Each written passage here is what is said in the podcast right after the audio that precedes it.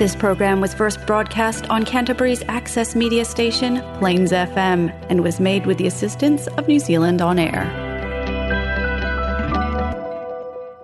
Namaste Nepal. Namaste Nepal.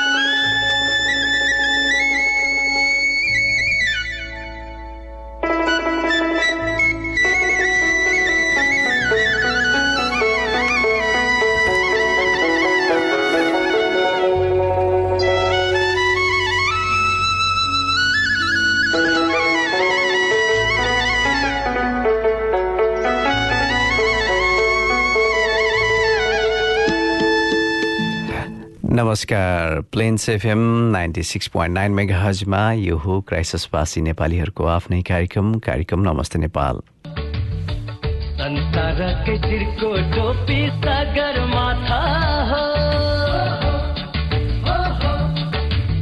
यही टोपीको तेरो फेरो हाम्रो गाथा हो।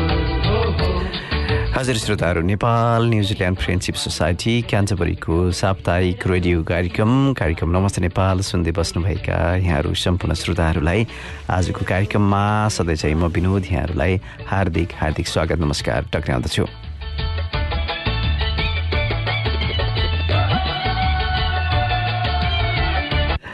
हजुर श्रोताहरू के गर्दै हुनुहुन्छ कस्तो हुनुहुन्छ अब हामीलाई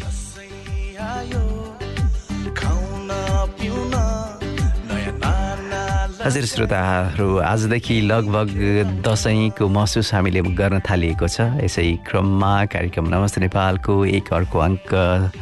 सँगै यहाँहरूसँग भेटघाट गर्न आइ नै सकेको छु। यहाँहरू क्राइसिस आसपासमा यदि हुनुहुन्छ भने ninety six point nine mega मार्फत यहाँहरू कार्यक्रम नमस्ते नेपालसँग प्रत्यक्ष जोडिन सक्नुहुनेछ। बेलुका आठ बजे सोमबार यसै समयमा त्यस्तै कार्यक्रमको पुनर्प्रसारण बिहिबार बेलुका आठ बजे पनि आउने गर्दछ। यदि क्राइसिसभन्दा अलिकति टाढा अलिक पर न्युजिल्यान्डभर संसारको जुनसुकै स्थानमा रहेर पनि यहाँहरूले Plains FM dot ORG dot एनजेडमा गइ नै सकिसकेपछि यही समयमा यहाँहरू कार्यक्रम नमस्ते नेपालको यो रेडियो यात्रामा प्रत्यक्ष रूपबाट नै जोडिन सक्नुहुनेछ।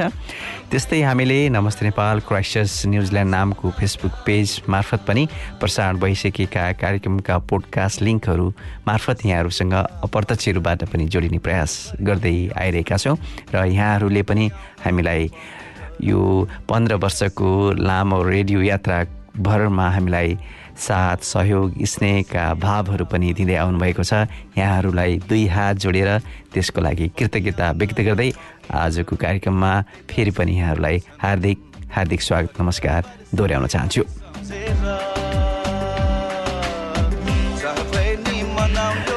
श्रोता अब दसैँको प्रसङ्ग कुरा गर्दै गर्दा विभिन्न पेसा व्यवसाय एवं अध्ययनका लागि घरबाट टाढा रहेका परिवारका सदस्यहरू आफ्नो थात थलोमा जम्मा भएर मनाइने बडा दसैँ पर्व लगभग आजबाट सुरु भएको छ। प्रत्येक वर्ष आस्मिन शुक्ल प्रतिबद्धदेखि सुरु हुने नेपालीहरूको महान पर्व बडा दसैँ। आज घर घरका पूजा कोठा र दसैँ घर मा विशेष रूपबाट विधिपूर्वक दियो कलश र गणेश स्थापनासहित घटस्थापना गरेसँगै सुरु भएको छ। अब हामीले यसरी नै दसैँको सुरुवातको रूपबाट यस वर्षको दसैँलाई स्वागत गर्ने तयारीमा जुटेका छौँ। श्रोता अब यो दसैँभन्दा अलिकति टाढा रहेर अन्य प्रसङ्गहरू पनि हामीले उठाउने गर्दछौँ। कार्यक्रम नमस्ते नेपालमा। अब त्यसैको क्रम अब यहाँ जोड्न चाहन्छु। श्रोता अहिले पछिल्लो पटक होटल रेस्टुरेन्ट एवं रिसोर्टहरूले अब अतिरिक्त शुल्क सेवा शुल्क र भ्याट लिन नपाउने भएका छन्। सामान्यतया ग्राहकहरूको मेनुमा उल्लेख भए भन्दा अतिरिक्त दस प्रतिशत सेवा शुल्क सर्भिस चार्ज र तेह्र प्रतिशत भ्याट तिर्दै आएका छन्। उपभोक्ताहरूले र अहिले पछिल्लो पटक काठमाडौँ जिल्ला अदालतले रेस्टुरेन्ट होटल तथा रिसोर्टहरूले मेनुमा उल्लेख भएको भन्दा थप रकम लिन नपाउने फैसला गरेपछि यस्तो अवस्था आएको हो। श्रोता अब दसैँको हामीले प्रसङ्ग जोडि नै सक्यौँ। दसैँको प्रसङ्ग गर्दै गर्दै हामीले नेपाल न्युजिल्यान्ड फ्रेन्डसिप सोसाइटीको प्रसङ्ग पनि हामीले यहाँहरूलाई अवगत गराइ नै रहेका छौँ। सधैँ चाहिँ विभिन्न चाडपर्वको अवसरमा भेटघाट रमाइलो र आफ्नै पारिवारिक माहौल सिर्जना गर्नका लागि नेपाल न्युजिल्यान्ड फ्रेन्डसिप सोसाइटीले पनि समय अनुकूल चाडपर्व अनुकूल त्यसै खालको कार्यक्रमहरूको आयोजना को प्रयासहरू गर्दै आइरहेको छ सम्पन्न पनि भइसकेका छन्। यसै क्रममा यसपालि पनि दसैँको विशेष कार्यक्रमको आयोजना हुन लागिरहेको छ आठ अक्टोबरका दिन। श्रोता यो कार्यक्रम हुन लागिरहेको छ। विशेष गरी हामी बस यात्रा गरेर दसैँ पिकनिकको लागि हेमनर स्प्रिङमा जानेछौँ। हामी त्योभन्दा अगाडि बिहान आठ बजे निश्चित गरेको समयमा रिकाटन स्कुलमा भेला भएर आठ तिस बजे त्यहाँबाट हामी प्रस्थान गर्नेछौँ भने पिकनिकको रमाइलो गरिसकेपछि खानपिन रमाइलो भेटघाट शुभ शुभकामना आदान प्रदान सकिसकेपछि दिनभरको बसाइपछि हामी पाँच तिस बजे हेमनोर स्प्रिङबाट हामी फर्किने कार्यक्रम रहेको छ। श्रोता त्यसै गरी हामी क्राइसिसमा यदि हुनुहुन्छ आसपासमा हुनुहुन्छ भने कृपया हाम्रो यो दसैँको यो बस यात्रा पिकनिक को लागि कृपया आउने प्रयास गर्नुहोला समय छुट्याउने प्रयास गर्नुहोला अब त केही दिन नै रहेको छ भन्नुपर्छ। अनि भेटघाट रमाइलो गर्दै यसपालिको दसैँलाई विशेष रूपबाट विदेशमै भए पनि मनाउने प्रयास गरौँ। त्यसैले आठ अक्टोबरका दिनमा यहाँहरूसँग भेटघाट हुने अपेक्षा पनि लिएको छु। श्रोता यो पछि अब दसैँ आउँदै गरेको छ। दसैँ आउँदै गर्दाखेरि हामीले दसैँका गीतहरू पनि सुनिरहेका हुन्छौँ र विशेष गरी सङ्गीतको कुराहरू सङ्गीतको कुरा हो खास मैले जोड्न खोजेको श्रोता। विश्वभरको लोक सङ्गीतहरू छ अलग अलग किनभने विश्वभरि नै विभिन्न भाषा बोल्ने मानिसहरू छन्। नेपाली परिवेशको लोकसङ्गीत आफ्नै शिल्पशैली र स्वादमा पाइन्छ। लोकसङ्गीतका विधि विविध लय भाका र बुनौट बनावटहरू लोकजीवनका अमूल्य उत्पादनहरू हुन्। हामी त्यसैलाई अनुसरण र अनुकरण गर्ने प्रयास गर्दै आइरहेका छौँ। लोक भनेको ग्रामीण जीवनशैली गाउँ बस्ती भौतिक परिवेश वा समाज हो। विश्वभरिका मानिसहरू सबै एक हुन् भने तापनि भोगाई भाषा र भाका भिन्न भिन्न छन्। यही लोकबाट लोक सङ्गीतका लय लर्का भाका र तरानाहरू निस्किन्छन् जो लोकसहित जुन लोकलोरी लय वा सङ्गीत नै हुन्। सङ्गीतको खास सत्ताकर्षण मूर्छना नै हो। मूर्छना जीवनसँग आरोह अवरोह गरिरहन्छ त्यसैले सङ्गीतको सत्ता सदाबार हुन्छ। मूर्छना त्यो मधुर ध्वनि हो जसले मान्छेका अन्तरङ्ग भावना अवय अवयवलाई प्रतिध्वनित गरिदिन्छ अन्तर्दृष्टिलाई उजिल्याउँछ। त्यस अर्थमा सङ्गीतको आफ्नै संसार हुन्छ। निश्चित स्थान युग वा समय हुँदाहुँदै फैलिएर सीमा बाहिर पुग्दछ नत्र किन मान्छेले आकाशका तिन तारामा घाम जुनको गीत गाउँथ्यो होला? सङ्गीतको पूर्वाङ्ग र उत्तराङ्ग याम आयाम चलिरहन्छ। जीवन जस्तै त्यसैले त हामी देशदेखि टाढा रहेर पनि नेपाली गीत सङ्गीतले हामीलाई छोएका छन्। हामी आफ्नै आफ्नै गीत आफ्नै भाकाहरू आफ्नै बेताहरू यी गीतमा बोलिरहेको महसुस गर्दछौँ। यस्तै खालको गीत सँगै आजको नमस्ते नेपालको यो यात्रा अघि बढाउन चाहन्छु।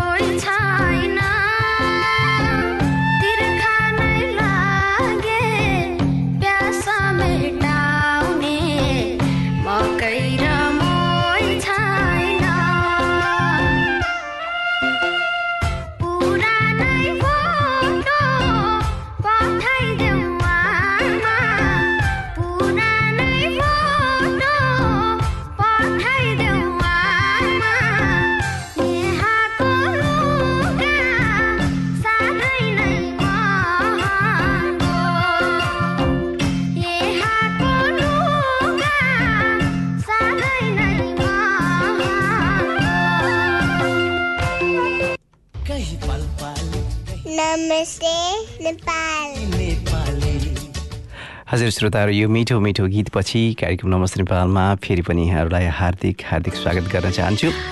श्रोता गीत सङ्गीतले यस्तै खालका भावहरू प्रस्तुत गर्दछन् भन्ने कुरा मैले यहाँहरूलाई जोडि नै सकेको छु। आफ्नो अनुभव अनुभूतिहरू यहाँहरूका अलग अलग हुन सक्छन् कथाहरू व्यथाहरू अलग हुन सक्दछन्। त्यसका धुन र ट्युनिङहरू त त्यसमा सामञ्जस्यता वा भने समानता पाउन सकिन्छ। श्रोता सङ्गीतको यो कुरापछि अब यहाँहरूलाई अहिले नेपाली चलचित्र प्रेम गीत तिनको पनि प्रसङ्ग आएको छ।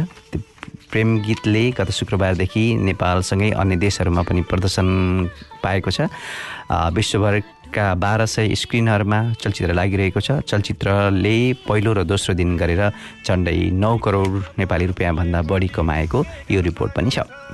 त्यस्तै श्रोता जीवनका आधुनिक भोगाइहरू छन् आधुनिक कमाइहरू पनि छन्। त्यो अर्कै ठाउँमा हो तर बिग विकट दूरदराजका अवस्थाहरू पनि अलग्गै छन्। हामी सिंहदरबार र शीतल निवास र अहिले त विभिन्न खालका निवासहरूका उप त्यसको उपस्थानहरू पनि पाइ नै सकेका छन्। तीहरूले त्यस्ता दूरदराजहरूको समस्याहरू कसरी महसुस गर्ने हुन् गर्ने होइनन् हामीले देख्दै भोग्दै आइरहेका छौँ। मक्सिर चारसँग जोडिएको एउटा जनताले दिने भोटको निर्णयले पनि हामी कतातिर लाग्नेछौँ कतातिर हाम्रो सोचाइ छ त्यसको पनि अब निश्चय नै परिणाम आउला नै त्यो अब धेरै टाढा रहेन। हुन त श्रोता जीवन जीविकोपार्जनका आफ्नै उपाय र शैलीहरू हुन्छन्। हुन कति बाध्यता र कुनै रुचिमा निर्भर रहेका हुन्छन्। जे जस्तो भए पनि अहिले पछिल्लो पटक बाँस र निगालाको चुवाइबाट बनाइएका घरसी सामान प्रयोजनका सामग्रीहरू त सबैले प्रयोग गर्दै आएका हौँ। हामीलाई पनि त्यो थाहा नै भएको छ। हुन त विदेश बसाएका लामो क्रममा बाँस र निगालाको चोयाबाट आ, बनाएका ती सामानहरू त यहाँ प्रयोगमा छैनन्। यद्यपि शिरदेखि पाउसम्मै चोयाबाट बुनाए बुनेको पोसाक लगाएर गाउँमा मेलापातदेखि सहरमा हुने पर्व महोत्सवमा पुग्नुका साथै पोसाकबाट आम्दानी गर्ने व्यक्ति पनि रहेछन्। ती हुन् म्याग्दीको मालिका गाउँपालिका वार्ड नम्बर दुईका भरिबहादुर पटेल। उनपचास वर्षीय पटेल टोपीदेखि जुत्तासम्म चोयकै चोयाकै पोसाक लगाएर जीविकोपार्जन गर्दै आएका रहेछन्। रुमी बेली तल्लो गाउँका पटेलले दुई वर्षदेखि चोयाका पोसाक तयार गरी त्यहीँ लगाएर विभिन्न मेला पर्वमा प्रदर्शन गरी जीविकोपार्जन गर्दै आइरहेका छन्। सजिलो त छैन यद्यपि उनी त्यसैमा निर्भर रहेका रहिरहेका छन्। श्रोता अब यो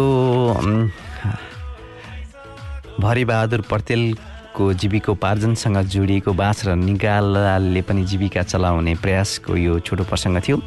त्यो बाहेक अब डाक्टर गोविन्द केसीको अनसनसँग जोडिएका केही पाटोहरू पनि छन्। पक्ष विपक्षका कुराहरू त केमा छैनन् र यद्यपि सरकारसँग दस बुधे सहमति भइसकेपछि डाक्टर गोविन्द केसीले तेह्रौँ दिनमा महाराजगञ्ज स्थित त्रिवी शिक्षण अस्पतालमा उपचाररत बिरामीहरूको हातबाट जुस पिएर आफ्नो बिसौँ अनसन तोडेका छन्। विक्रमसम्म दुई हजार उनासत्तरी साल असार एक्काइसमा पहिलो अनसन सुरु गरेका डाक्टर केसीका केसीलाई कतिपयले सोध्दछन् यति धेरै पटक अनसन बसेपछि उपलब्धि चाहिँ के भयो त? श्रोता डाक्टर केसीका कारण चिकित्सा शिक्षामा ठुलो परिवर्तन भएको छ। चिकित्सा शिक्षामा भएको लुट तन्त्र र भद्रकलको पाटो उजागर नभएको भए अहिले एमबिबिएस पढ्न करोडभन्दा बढी तिर्नुपर्ने हुन्थ्यो भनेर पनि धेरैले तर्क अघि सारेका छन्। उनकै अभियानका कारण भर्नाका लागि निश्चित शुल्क मात्र होइन मेडिकल कलेजमा विद्यार्थीहरू योग्यता क्रमका आधारमा भर्ना हुन्छन्। अहिले मनपरी शुल्क लिने मेडिकल कलेज खोल्ने अवस्था पनि छैन भने विश्वविद्यालयले पनि जदाबाबी सम्बन्धन दिन पाउँदैन। यद्यपि सम्बन्धनको कुरा त कहिलेकाहीँ आउने जाने गरि नै रहन्छ। त्यस्तै चिकित्सा शिक्षा ऐनको मै अहिले अब अब अब दस वर्षभित्र नेपाल राज्यभित्र सञ्चालित चिकित्सा सम्बन्धी शिक्षण संस्था गैर नाफामूलक र सेवामूलक संस्थाको रूपमा रहने उल्लेख गरेको छ। र केसीकै कारण वा भनौँ केसीकै अनसनका कारण गत वर्षदेखि सहरमा बिरामै पठाउने कर्णालीले पनि अहिले डाक्टर उत्पादन गर्न थालेको छ। त्यस्तै श्रोता सरकारी शिक्षण संस्थामा एमबिबिएस कम्तीमा पचहत्तर प्रतिशत छात्रवृद्धि छात्रवृत्तिको कार्य व्यवस्था कार्यान्वयन सुरु भइसकेको छ सरकारी शिक्षण संस्थाहरूमा। सन् दुई हजार सोह्रको फेब्रुअरीदेखि नेपालमा प्रवेश परीक्षा पास भइसके पछि मात्रै विदेशमा अध्ययनका लागि अनुमति लिन सुरु गर्ने पनि उनके अनुसन्धपछि सम्भव भएको विदेशी मेडिकल कलेज तथा विश्वविद्यालयमा एमबिबिएस र बिडिएस अध्ययनमा गएका विद्यार्थीहरूमध्ये पन्चानब्बे प्रतिशत विद्यार्थी अयोग्य रहेको रिपोर्ट मेडिकल काउन्सिलले पनि यसअघि प्रकाशित गरिरहेको थियो। डाक्टर गोविन्द केसिसको अनसनसँग जोडिएका केही पाटोहरू मात्रै हुन् श्रोता अन्य त सबै कुरा सम्भव भएन। यद्यपि श्रोता बेलुका आठ बजेदेखि कार्यक्रम नमस्ते नेपाल यहाँहरू सुन्दै हुनुहुन्छ। अब यसै क्रममा एउटा विद्युतीय बस सञ्चालनको प्रसङ्गको यो छोटो प्रसङ्ग सुनाउँछु अनि त्यसपछि गीत जोड्ने नै छु। लगानी बोर्डले काठमाडौँ उपत्यकाको चक्रपथमा विद्युतीय बस सञ्चालन गर्ने महत्त्वकाङ्क्षी योजना ल्याएको खबर सार्वजनिक भएको छ। बोर्डले विद्युतीय बस सञ्चालनका लागि सम्भाव्यता सम्भाव्यता अध्ययन गर्न कार्य शर्त तयार पारिसकेको छ। यसपछि परियोजना सम्भाव्यता अध्ययन हुनेछ र चक्रपथको लम्बाइ सत्ताइस दशमलव तिस किलोमिटर रहेको छ। प्रारम्भिक अध्ययनअनुसार चक्रपथमा विद्युतीय बस सञ्चालन गर्न करिब बिस करोड बिस अर्ब रुपियाँ खर्च लाग्नेछ। अब यो लागत त एक डलर बराबर एक सय सत्ताइस रुपियाँको आधारमा छ। जुनको घट बढपछि त यो तलमाथि हुन सक्ने नै छ। श्रोता अब डिपिआर तयारपछि मात्र आयोजनाको लागतको यकिन गर्न सकिने भए पनि पछि लागत बढ्न सक्ने सम्भावना त रहि नै रहन्छ। आयोजनामा सत्ताइसवटा बस स्टेसन रहनेछन्। सडकमा दैनिक एक सय साठी बस कुद्ने क्षमता रहने अनुमान पनि छ। यस्तै दैनिक कम्तीमा पचहत्तर विद्युतीय बस सडकमा गुड्नुपर्ने बोर्डको भनाइरहेको छ। आशा गरौँ विद्युतीय बस सञ्चालनको प्रसङ्ग यो प्रसङ्गमा मात्रै सीमित नरहोस्। श्रोता अब भने एउटा गीत यहाँहरू जोड्न चाहन्छु यहाँहरू समक्ष त्यसपछि बाँकी रहेका प्रसङ्गहरू त गरे नै छु। बयान गर्न ब्रह्मा र विष्णुले प्रेमको कहानी रचे राधा र कृष्णले मदनले नि एक्लै छाने गाका हुनु नालाई सुख खोज्दै भोलि फेरि सँगसँगै हुनलाई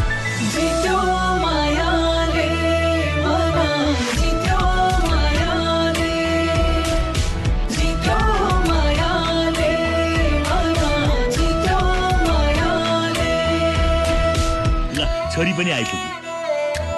छोरी उहाँहरू तिम्रो हात माग्न आउनुभयो। लजाएर भित्र गए गर्दिनँ म योसँग भेट फेर्दैन रे सारा सले कहिले आफ्नो जोडी। एउटा छुटे अर्को एक्लै जान्छ संसार छोडी। हरेक प्रेम जोडीले कथा लेख्न सकुन् त्यहाँ। जहाँ लेखी अमर रहे मुमता चाह जहाँ जित्यो मायाले जित्यो मायाले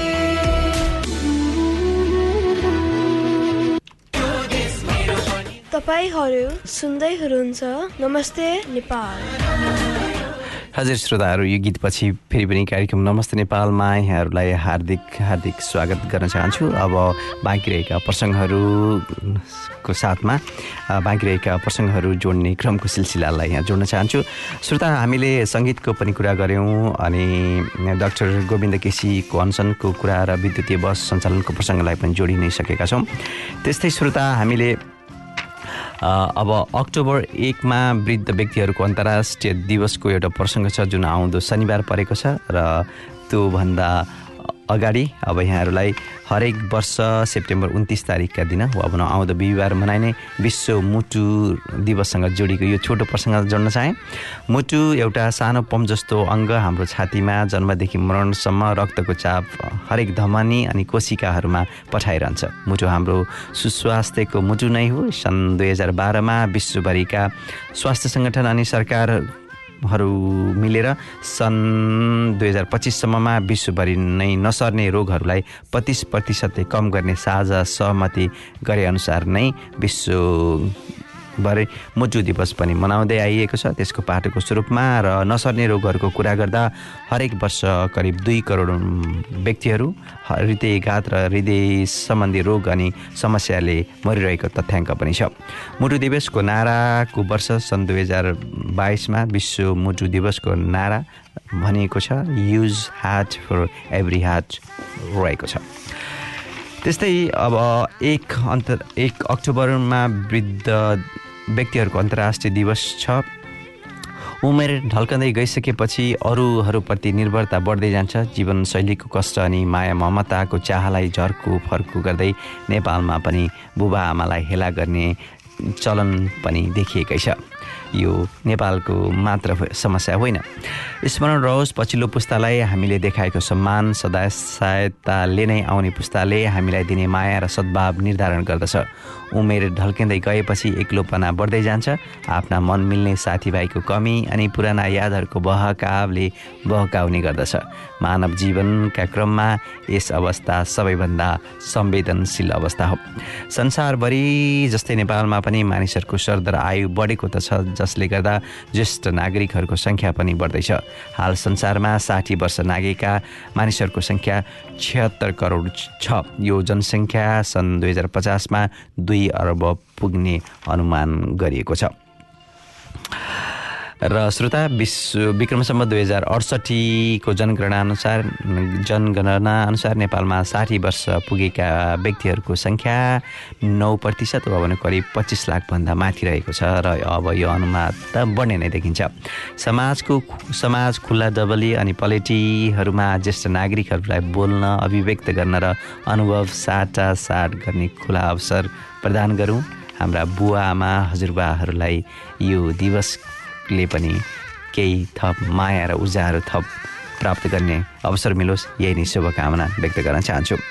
श्रोता त्यस्तै क्राइसिसमा अब दसैँको प्रसङ्ग पनि कुरा गऱ्यौँ। हामी दसैँको बस यात्राको कुरा हामीले त गरि नै सक्यौँ। सोसाइटीको अक्टोबर आठमा हुने जुन हेमिनर स्प्रिङमा हुँदैछ।